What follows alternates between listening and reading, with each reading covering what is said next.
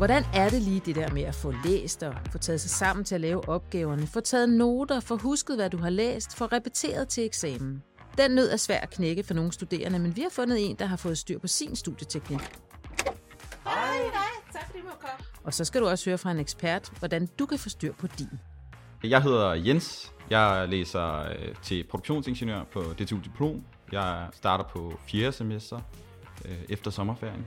Jeg er 23. Og på første semester, hvordan gik det med din studieteknik der?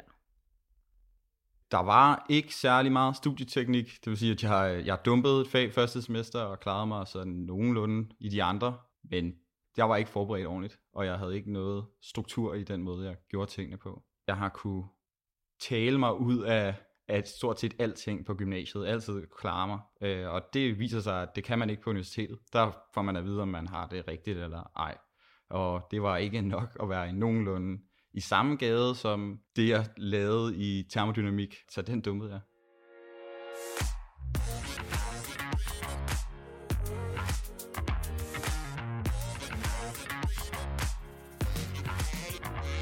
Øh, jeg havde det faktisk ret fedt med det. Jeg synes, det var en øh, sådan opvågner, jeg gav ham hånden og sagde, eller gav begge sensorer og, og underviser hånden og sagde tak for det. Øh, og så tog jeg jo revanche til reeksamen og fik et 12 sted på. Så det gik, det gik meget godt, kan man sige. Da jeg startede, der tror jeg, at jeg havde lidt for meget mellem, øh, eller om ørerne. Jeg, jeg var en del af Proto-landsholdet i Kærkpolo og startede et nyt studie op, og ville gerne være med i forskellige organisationer på DTU. Og alt det kolliderede ligesom bare i, at jeg ikke rigtig var til, til stede nogen steder. Jeg føler lidt, at jeg var sådan lidt i en toge. Det er måske heller ikke smart at være til turnering i udlandet i eksamensperioden, øh, i alle weekender i eksamensperioden. Øh, mine forventninger har ikke været øh, helt gennemtænkte, kan man sige. Altså noget af det, jeg fandt ud af, var, at det var ikke så vigtigt at lave sådan hele øh, produktet på en gang, eller lave øh, læse hele bogen eller lave hele opgaven på en gang. Det var vigtigere for mig bare at sætte tid af til at gøre det, og så være tilfreds med, at jeg har brugt den tid. Og, og det har ligesom hjulpet mig med, at jeg heller ikke sidder og laver overspringshandlinger på samme tid, hvilket har været øh, en, en, en stor fordel, vil jeg sige. Ja, så en del af den studieteknik, jeg har valgt, det er noget af det, jeg føler, at der er mest effektivt. Det, det er det, man vil kalde Pomodoro-teknikken. Altså Pomodoro fra italiensk, et, øh, et, en tomat. Og det kommer fra jeg kan ikke huske, hvad han hedder, men, men de bruger et, øh, et æggeur, øh, som ligner en tomat i Italien. Og det jeg gør, er, at jeg sætter en timer på 50 minutter generelt. Det svarer til, at jeg kan arbejde 50 minutter og holde 10 minutters pause. Og i de 50 minutter, der ved jeg, at der skal jeg fokusere. Og det hjælper mig til at sige, jamen det er her, jeg fokuserer, og så kigger jeg ikke på andet. Så lægger jeg min telefon væk eller slukker den, og så laver jeg det her. Og der er det, som sagt, det er processen, der er, der er vigtig, og ikke at jeg er færdig med et produkt, når der er gået 50 minutter. Men hvordan fungerer det så i forhold til sådan løbende øh, studier, undervisninger og afleveringer? Sådan, jeg tænker, kan du give et eksempel på, hvordan en normal studiedag ser ud for dig? Altså en normal studiedag har jo typisk været, at vi har haft fire timers undervisning, og nogle fag har vi haft to timers undervisning, og så to timers regnetid. En del fag har vi haft fire timers undervisning. Og man kan mærke på de undervisere, der har forstået, at man har brug for en pause efter en time, øh, at man kan fokusere mere efter en halvanden time, hvis en underviser bliver ved med at tale, så, øh, så sandsynligheden for, at jeg er faldet i søvn ret stor. Hvis jeg ikke når det, jeg har egentlig havde tænkt, jeg skulle nå, så er der en fyr, der hedder Simon Sinek, der kommer med et rigtig godt råd, at øh, den bedste plan, man kan lave, det er at lave planen om, at der er ingen planer, der holder. Så øh, der er stort set altid lagt en eller anden form for buffer ind i mine planer, på, på den ene eller den anden måde. Men det er som regel den første deadline, jeg sætter, der er den sådan endegyldige man, det kan jo godt skride, men, men planen er, og håbet er, at den ikke skrider.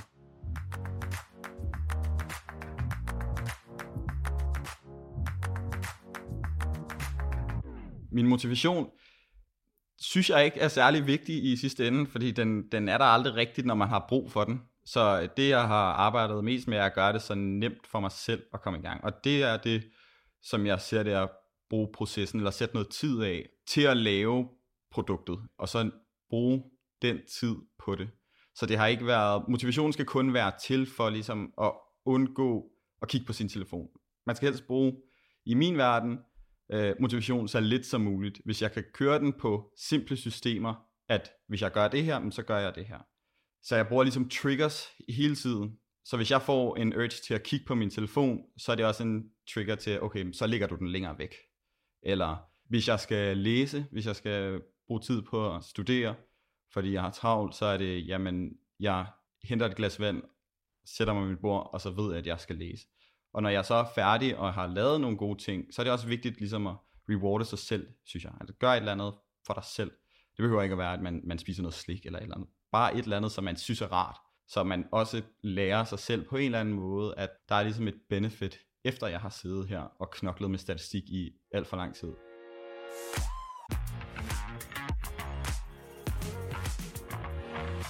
Med gruppearbejde, der kan det jo godt blive ret komplekst, især hvis man er helt sikker på, at ens metode er den rigtige, og det vil jeg sige, det her er jeg slet ikke. I gruppearbejdet, der har jeg taklet det ved, at der er så lidt, der kolliderer med den måde, folk gerne vil arbejde på. Så i gruppearbejdet, i vores tre ugers projekt, der har det været, at vi har haft et, øh, et sådan stand-up møde, så man kan tage lidt fra det agile tankegang om morgenen, og så har det i princippet været det møde, vi skulle have. Hvis man har brug for at tale med flere, jamen så kan man tale lige så meget, man har lyst til. Og hvis man har brug for at sidde sammen med en anden, så kan man gøre det lige så tosset, man har lyst til. Men hvis, hvis jeg har behov for at sidde i 50 minutter fokuseret for mig selv, så kan jeg gøre det. Øh, og hvis der er nogen andre, der har brug for noget andet, så er det så færdigt, at de gør det. Det har været vigtigt at gøre det så simpelt, altså lave de mindste systemer, jeg kan gøre, eller skabe, og så få dem indført, så vi ikke prøver at presse noget ned over hovedet på folk, som ikke synes, det er fedt at arbejde på samme måde.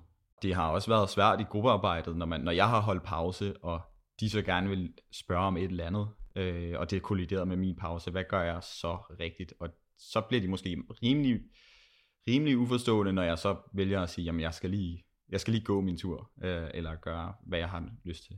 Men efter et stykke tid, så føler jeg, at de fleste er med på, hvad det er, der sker. Øh, jeg kan ikke sidde to timer i streg, og stadigvæk køre på sådan et rimeligt højt gear, hvor at det er der måske nogen, der føler, de godt kan. Det, det er ikke en diskussion, jeg har lyst til at tage, det må de selv opdage på et tidspunkt. Men efter, efterhånden, som vi kommer længere i studiet, så tror jeg, at flere og flere forstår godt, hvad jeg gør, og, og at jeg, jeg synes, det er vigtigt at arbejde på den måde, som jeg arbejder på.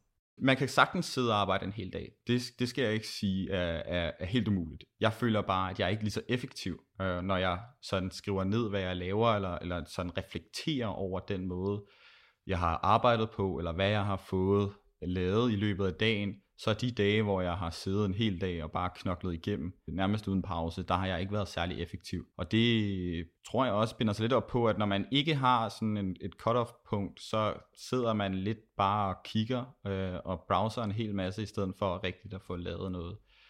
Det med at tage en pause hver time, det kan godt være, at man ikke føler, at man har brug for en pause, men det er lige at få bevæget sig. Altså jeg, det er ikke fordi, at når jeg tager en pause, så, så kigger jeg på min telefon. Jeg rejser mig op, går en tur, øh, ordner måske lige nogle ting, øh, som ikke er på skærmen. Øh, og det synes jeg giver mig mere energi i løbet af dagen. Jeg er stadigvæk frisk, når jeg er færdig. Og i forhold til trivsel, så har jeg også et cut-off tid på omkring klokken 5 hver dag, øh, rimelig meget sharp klokken 5. Og efter det, så laver jeg ikke noget skolearbejde. Hvilket også gør, at øh, jeg ved bare, at jeg skal have lavet mine ting inden det, hvilket giver mig en deadline, jeg kan arbejde med. I stedet for, at jeg ved, at okay, jeg har de næste 9 timer til at lave det her projekt. Og så sidder jeg de første fire timer og kigger ud i luften, og måske tjekker Facebook, eller hvad man nu kommer til at gøre. Og så er der gået en masse timer med det, indtil man finder ud af, hey, hov, øh, nu er klokken ved at være mange, jeg skal sgu også have noget aftensmad.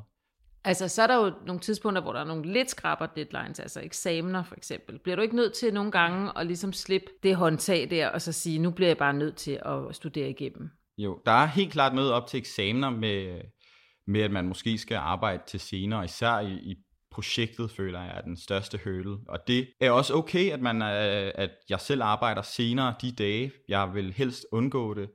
Jeg føler, op til eksamenerne har jeg ikke rigtigt arbejdet senere, end det jeg har sat mig for. Jeg tror, jeg også er altså, rimelig proaktivt i løbet af semestret med at få husket tingene ordentligt og få kigget ordentligt på det, jeg laver. Jeg sidder ikke bare og læser en tekst, jeg sidder og tænker over, hvad jeg læser, og jeg prøver at reflektere over næsten hver paragraf, jeg læser, i stedet for bare at lade øjnene glide ned over siden, og så at sige, jamen det er fint, nu har jeg læst det.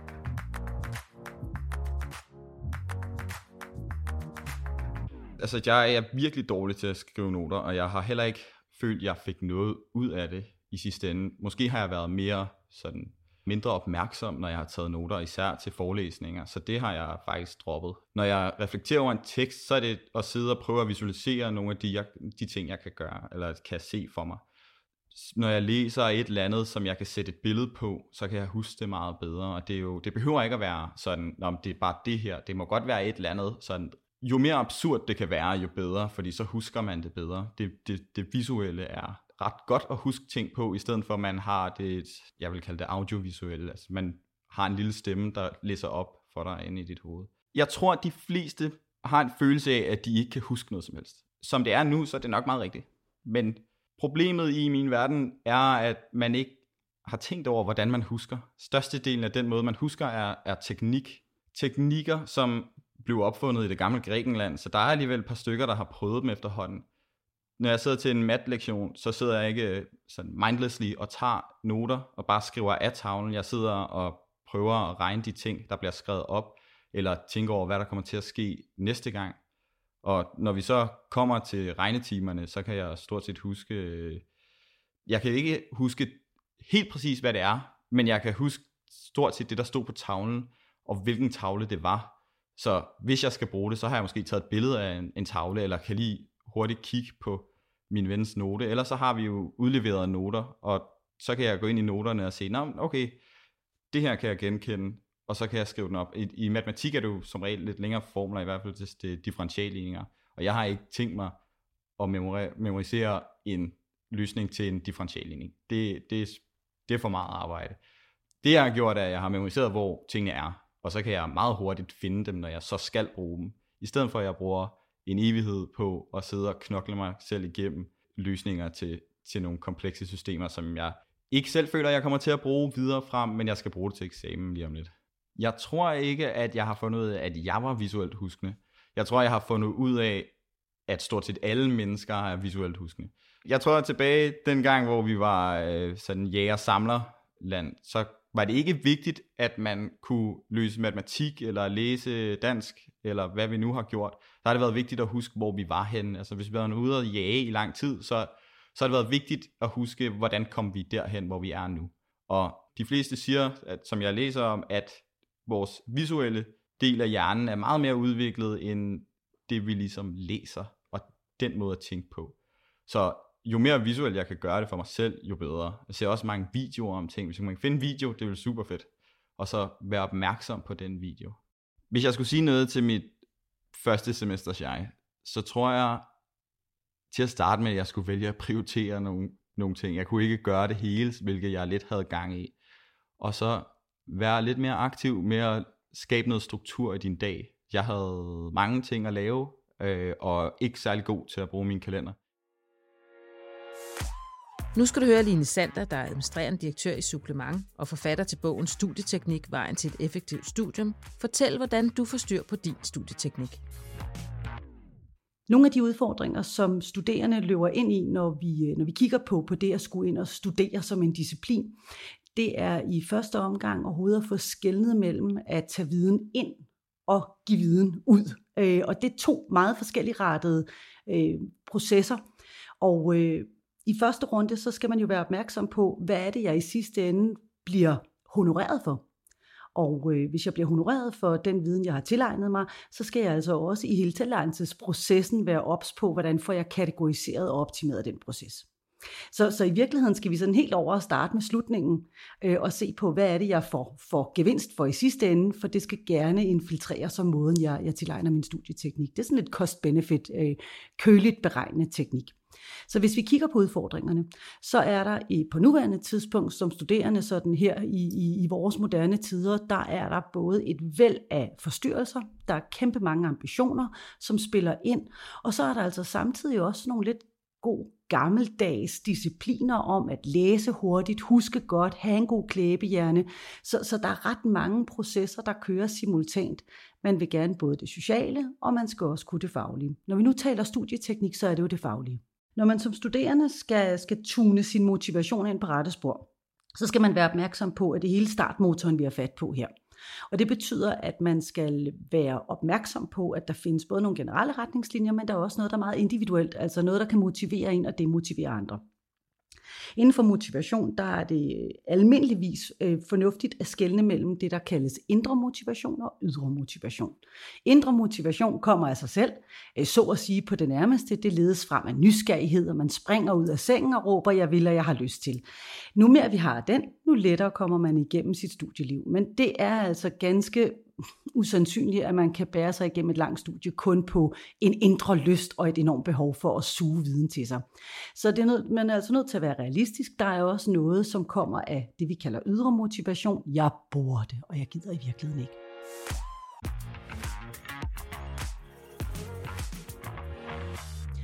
Så hvis man kan veksle ydre motivation til indre motivation, bruge nogle teknikker og nogle tricks, så får man altså øh, flere du, du kører flere kilometer på literen, så at sige, hvis jeg må bruge sådan lidt banal analogi. Og der er særligt tre ting, der kan virke her. Det første er, hvis man er god til at kickstarte sin egen nysgerrighed, og selvom man sidder med en tung, trist, ikke voldsomt interessant bog, så skal man altså nogle gange være lidt mere kreativ. Helt banalt kan det bare være at tage samtlige af de overskrifter, der er i artiklen eller bogen, teksten, og konvertere dem til spørgsmål. Så hvis øh, overskriften hedder de økonomiske uoverensstemmelser i Pinseparken, det var lige det mest usekset, jeg kunne komme i tanke om, så konverterer man dem altså til, hvornår var Pinseparken, hvilke økonomiske uoverensstemmelser, under hvilken regering, hvad var konsekvenserne. Så spark, så at sige, hjernen i gang med at lede efter svar. For vi har sådan en akademisk tradition for, særligt i Nordeuropa, at overskrifter er passive. De studerende, som møder amerikansk faglitteratur, vil vide, at man på den amerikanske bane er vant til at, at stimulere nysgerrigheden. Så der bruger man de spørgende overskrifter. Der skal vi altså her, i hvert fald i Danmark, lige lave et lille stykke arbejde selv. Så det var den første. Den næste handler om at effektivisere det, man lærer. Og det kan altså være at tale om, at skrive, at gå i en, et markerskab, en studiegruppe, men at viden ikke bare bliver sådan en tavsproces, der går ind, men at vi også vender os til at få sat nogle ord på, eller få tegnet, få skrevet om vores viden. Og jeg plejer sådan lidt firkantet at sige til de studerende, jeg møder, jamen selv i sociale sammenhænge, øh, øh konfirmationer, øh, familiefødselsdage, når Moster Janne spørger, hvad er det egentlig, du læser? Jamen så tag dog den gyldne mulighed, træk stolen ud under øh, konen og sig, sæt dig venligst ned, nu skal du bare høre, og giv den gas. For det første, så får du lige talt din faglighed igennem, og for det andet, så spørger Moster Janne der formentlig aldrig mere, og det kan jo i sig selv også være en bonus. Så altså, det her med at bruge sin faglighed, ikke bare læse og sidde tavst med det, men at bruge det. Den tredje og sidste ting handler om formål. At være knivskarp på, hvad er formålet med lige præcis det fagområde, lige præcis det hjørne af min faglighed, jeg sidder og bokser med nu. For selvfølgelig er der et overordnet formål, altså jeg skal have min eksamen i hus, men det kan være svært at have som en motivationsfaktor igennem et langt studie. Så lige præcis det specifikke delområde, jeg sidder med her, hvad er det, jeg kan bruge det til? Og det er ikke altid, at det er lige nemt at gennemskue, så spørg. Spørg først sidemanden, spørg din øh, underviser, spørg din studievejleder. Det er øh, helt legalt at eftersøge formålet. Jeg kan ikke lige give en case, der har du mulighed for lige at beskrive, hvordan lige præcis den her pivottabel eller den her teknik kan være anvendelig for mig. For når formålet er på plads, så øges den indre motivation. Så det er de tre hovedformål, og så en lille krølle. Det at være opmærksom på sin læringsstile er også medvirkende til at kunne hjælpe dig til at holde din motivation. Og læringsstile er jo den disciplin, man er blevet mere og mere opmærksom på, blandt andet i folkeskolen, hvor vi kigger på, om man er særlig god til at lære visuelt eller auditivt. Skal man se eller høre? Skal man taktilt røre ved det, eller skal man helt ud og bevæge sig? Så hvis man som studerende tuner ind på, bliver skarpere på, hvordan har jeg egentlig nemmest ved at indtage læring, og dermed også designer sit arbejdsmiljø, således at man i højere grad understøtter den måde, man lærer på. Så hvis man er visuel, så kan sådan en tavle, hvor man kan lige kan stå med et par flip over og tegne, øh, skitsere dagens øh, indhold. Hvis man er auditiv, jamen så gå lige en tur med en podcast. Er man taktil, så sørg for at have mere end to farver i tasken, når du skriver noter. Det er måder at, at sikre, at du også stimulerer din læringsstil.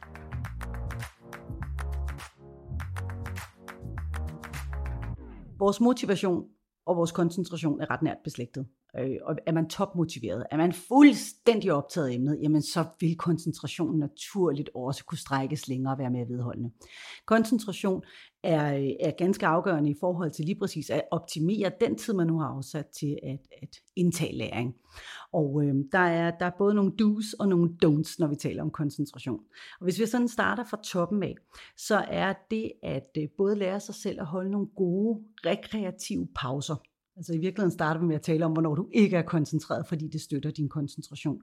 Så hvis man er inde og sidder og læse, det kan være en 45-50 minutter, det plejer at altså en meget god tommefingerregel, så er koncentrationen altså på nuværende tidspunkt ved at være opbrugt. Man kan godt fortsætte. Nogle af os har, har igennem tiden fundet noget med øh, kaffe, eller jeg havde taget på et tidspunkt overvejet, om man simpelthen kunne lægge matadormix ind intravenøst, fordi jeg bare havde brug for sukker for at fortsætte. Det er jo ikke holdbart i længden. Så hellere stoppe rettidigt, altså 45-50 minutter, og så holde en reel og rekreativ pause. Og det er lige præcis her i humlen er. For rigtig mange studerende har tendens til, når de så holder pause, så sender de to snaps, løber lige et smut forbi Instagram, måske lige tjekker fodbold resultater øh, hvordan er coronasmitten, hvad end det lige kunne være, der var aktuelt på, på det givende tidspunkt. Og sagen er, at på de, den pause bliver ikke rekreativ, når vi pludselig vender blikket øh, i både medier og fjernsyn og aviser og lige lytter lidt radio. En rekreativ pause er reelt de her to fem minutter, hvor hjernen får mulighed for at koble af, hvor den nye viden får ro til at festne sig. Så behøver ikke slukke for motoren, men den må godt stå i tomgang. Kig ud af vinduet, træk lige, stræk kroppen igennem, børst tænder, tag en opvask. Er man den sådan lidt aktive type, så nup en planke, et eller andet den dur. Men giv lige hjernen mulighed for at koble af. Og de rekreative pauser skal altså ligge hele dagen igennem. Så har man dage, hvor man ikke møder på studiet og skal sidde både over bøgerne eller opgaverne længe, så skal der altså en gang i timen lægge en rekreativ pause. Så det er sådan første greb til at blive bedre til egentlig at motivere sig, handler om den tid, hvor man kobler ud. En, øh, en anden parameter, som også har stor indflydelse på evnen til at koncentrere sig og muligheden for at udnytte sin hjernes kapacitet bedst, er den faktor, man kalder prime time. Og prime time er en to til tre timer i døgnet, hvor hjernen er skarpest. Det øh, kaldes prime time, fordi man sammenligner det med medierne, hvornår har vi størst sendeflade eller flest seere. På samme måde så er der altså et tidspunkt, hvor hjernen arbejder bedst.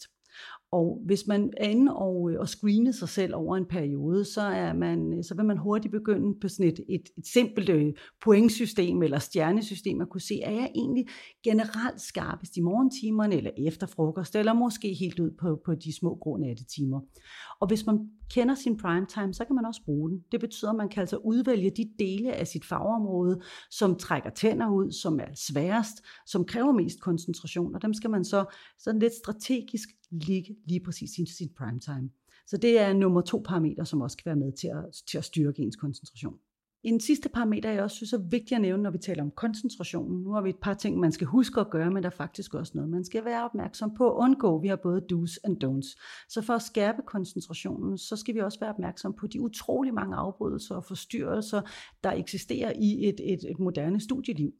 Og hvis vi multitasker, hvis vi simultant med, at vi sidder og laver vores opgave, også lige laver en fodboldopdatering på, hvordan går den seneste øh, kamp eller lignende, så er hjernen altså aktiveret med at skulle holde rigtig mange bolde i luften.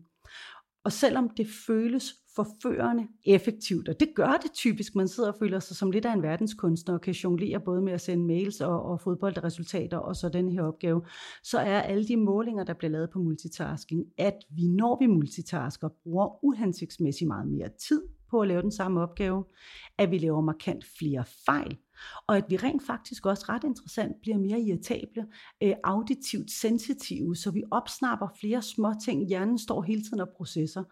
Selvfølgelig er det vanskeligt helt at undgå at task swap, eller multitaske, som man også kalder det.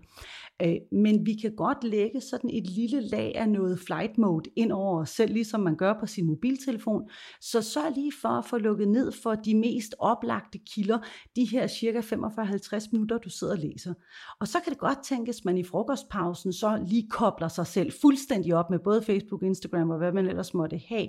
Men så lav nogle, nogle grupperinger i løbet af dagen, hvor du både når du læser og i de små rekreative pauser, lad hjernen få fred fra alle de her ellers nok så fristende mulige øh, forstyrrende elementer.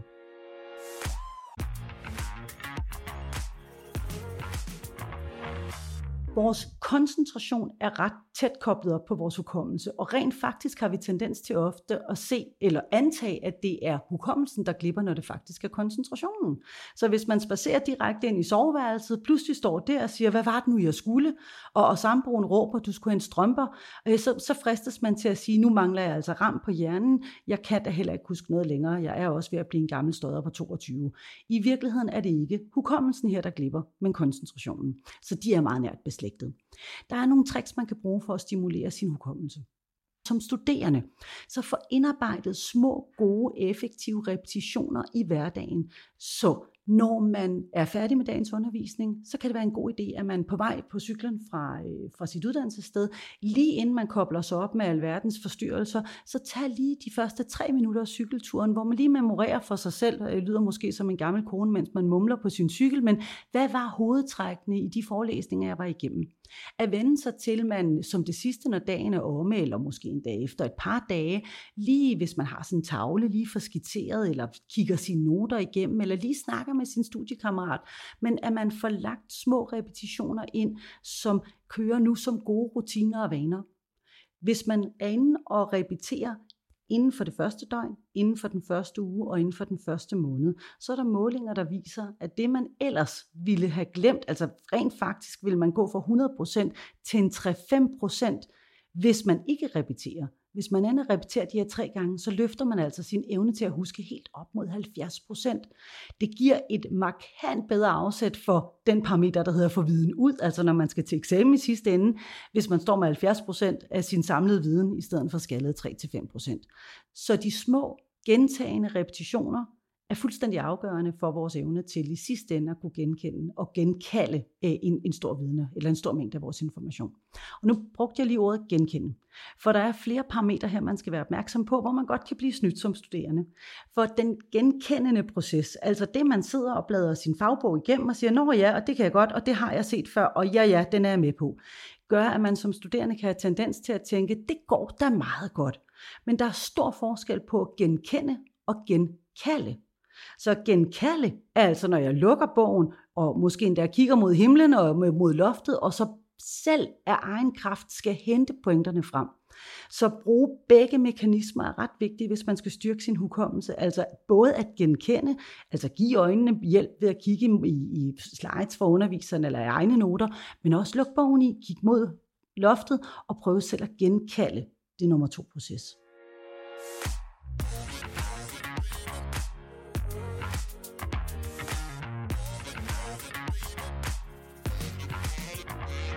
Når vi kigger på øh, evnen til at huske, som altså bygger på dette her med at lave gode repetitioner, øh, at være opmærksom på at genbesøge for eksempel sine notater, så leder det os også over til at tale om, hvordan laver vi overhovedet gode notater. Og de gode notater bygger igen på den her læringsstil, vi også lige berørt tidligere, så er jeg meget visuel, så et godt notat altså med til at understøtte det visuelle. Så er der mange billeder i mine notater for eksempel. Når vi taler om notater, så er der i det hele taget øh, et, et, en effektiviseringsproces, som handler om at lave et, et arsenal af nogle koder, som er let genkendelige for dig igennem hele din studietid. Så hvis du laver notater, når du læser i fagbøger, så skal du være opmærksom på, hvilke farvekoder bruger du, hvis du sidder med overstregningstusser, hvad betyder rød, gul og grøn for eksempel hvis du laver en stiplet linje, eller en bølget linje, eller et udråbstegn, eller et spørgsmålstegn, så hvis du har sådan et lille kodeberedskab, så du bruger de samme teknikker, øh, du bruger de samme signaler til at gøre opmærksom på, hvornår er der noget, der er øh, til forundring, hvornår er der noget, der er vigtigt, hvornår er der noget, jeg skal huske at spørge til, så hjernen har meget, meget nemt ved at kunne omsætte notater til et mere tredimensionelt landskab, som altså kan, kan operationaliseres. Så notater er både det, vi gør, når vi taler om, hvordan vi laver overstregninger og små markeringer i bøger, og så er det selvfølgelig også det, vi gør, hvad enten vi gør det sådan helt analogt, altså med papir og blyant, eller vi overbruger, et, mange studerende i dag bruger OneNote, men der er også enkelte, der overbruger andre applikationer, GoodNotes, øh, Mindmap og Gud døde mig stadigvæk også sin berettigelse øh, af gode grunde i øvrigt. Så når vi er over i det type apparat af notater, som handler om, at jeg selv skal ind og rekonstruere øh, de informationer, jeg tager fra en forelæsning eller fra en undervisning, så er igen struktur ganske afgørende. Og øh, når vi laver notater, så er der tre processer, som kører næsten simultant, og her skal man altså holde tungen lige i munden. Så når du skal lave dit eget notat ud fra en undervisning, så skal du være opmærksom på, at der skal være en god struktur. Øh, en god struktur kan både handle om, at du får bygget et notatark op i hvad er det, der bliver talt om. Der skal selvfølgelig være et par nøgleord til at lede dig frem, men vær opmærksom på det at lave en ekstra kolonne i dine notater, hvor dine egne refleksioner eller de øh, små cases, der dukker op undervejs, kan være de kroge til din hukommelse, som gør, at du et halvt og et helt år senere har nemmere ved at komme ind i de her faglige pointer. Så det er, det er igen et spørgsmål om at være opmærksom på at få hjulpet din hjerne bedst muligt på vej.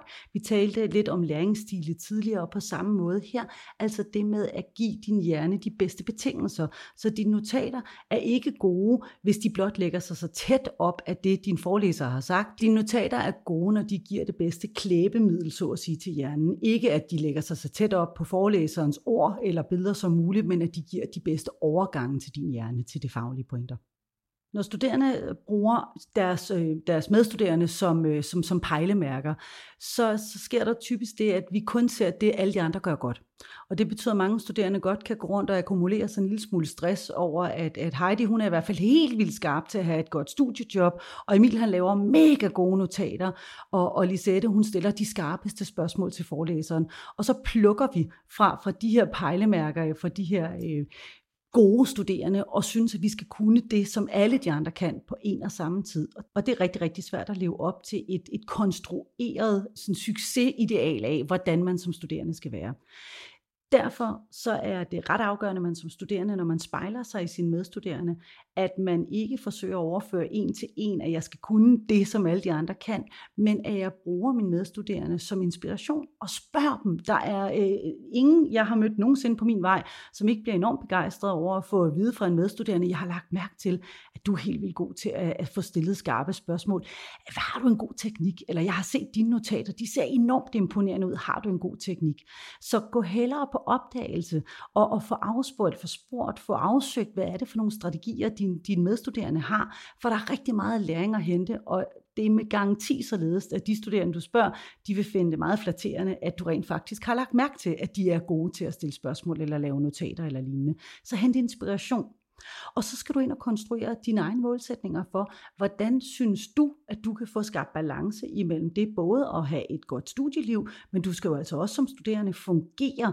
Øh, du skal også kunne pleje dine venner, din familie, måske øh, et studiejob. Du skal have hele kabanen til at gå op. Og derfor er der ikke øh, sådan en farbar vej som studerende, men altså et, i virkeligheden et livslangt projekt med hele tiden at være i forhandling med sig selv om, hvad er det lige nu, der er det, der får lov til at fylde meget. Og der kan være perioder i en studieliv, hvor studiet får lov til at fylde meget, og der kan være perioder, hvor man også lever med, at, at her der fylder det mindre, fordi der er noget andet end forelskelse, et vigtigt job eller noget, som lige nu også tager noget opmærksomhed. Og vi har altså ikke mere end 24 timer i døgnet til rådighed, det ved vi alle sammen, men det er sådan en slags kontier, og nogle gange er der altså øh, mere overskud på en konto, og, og så kan der godt være en lille smule i bund på den anden. Og det, det er den balancegang, man er nødt til hele tiden at være opmærksom på.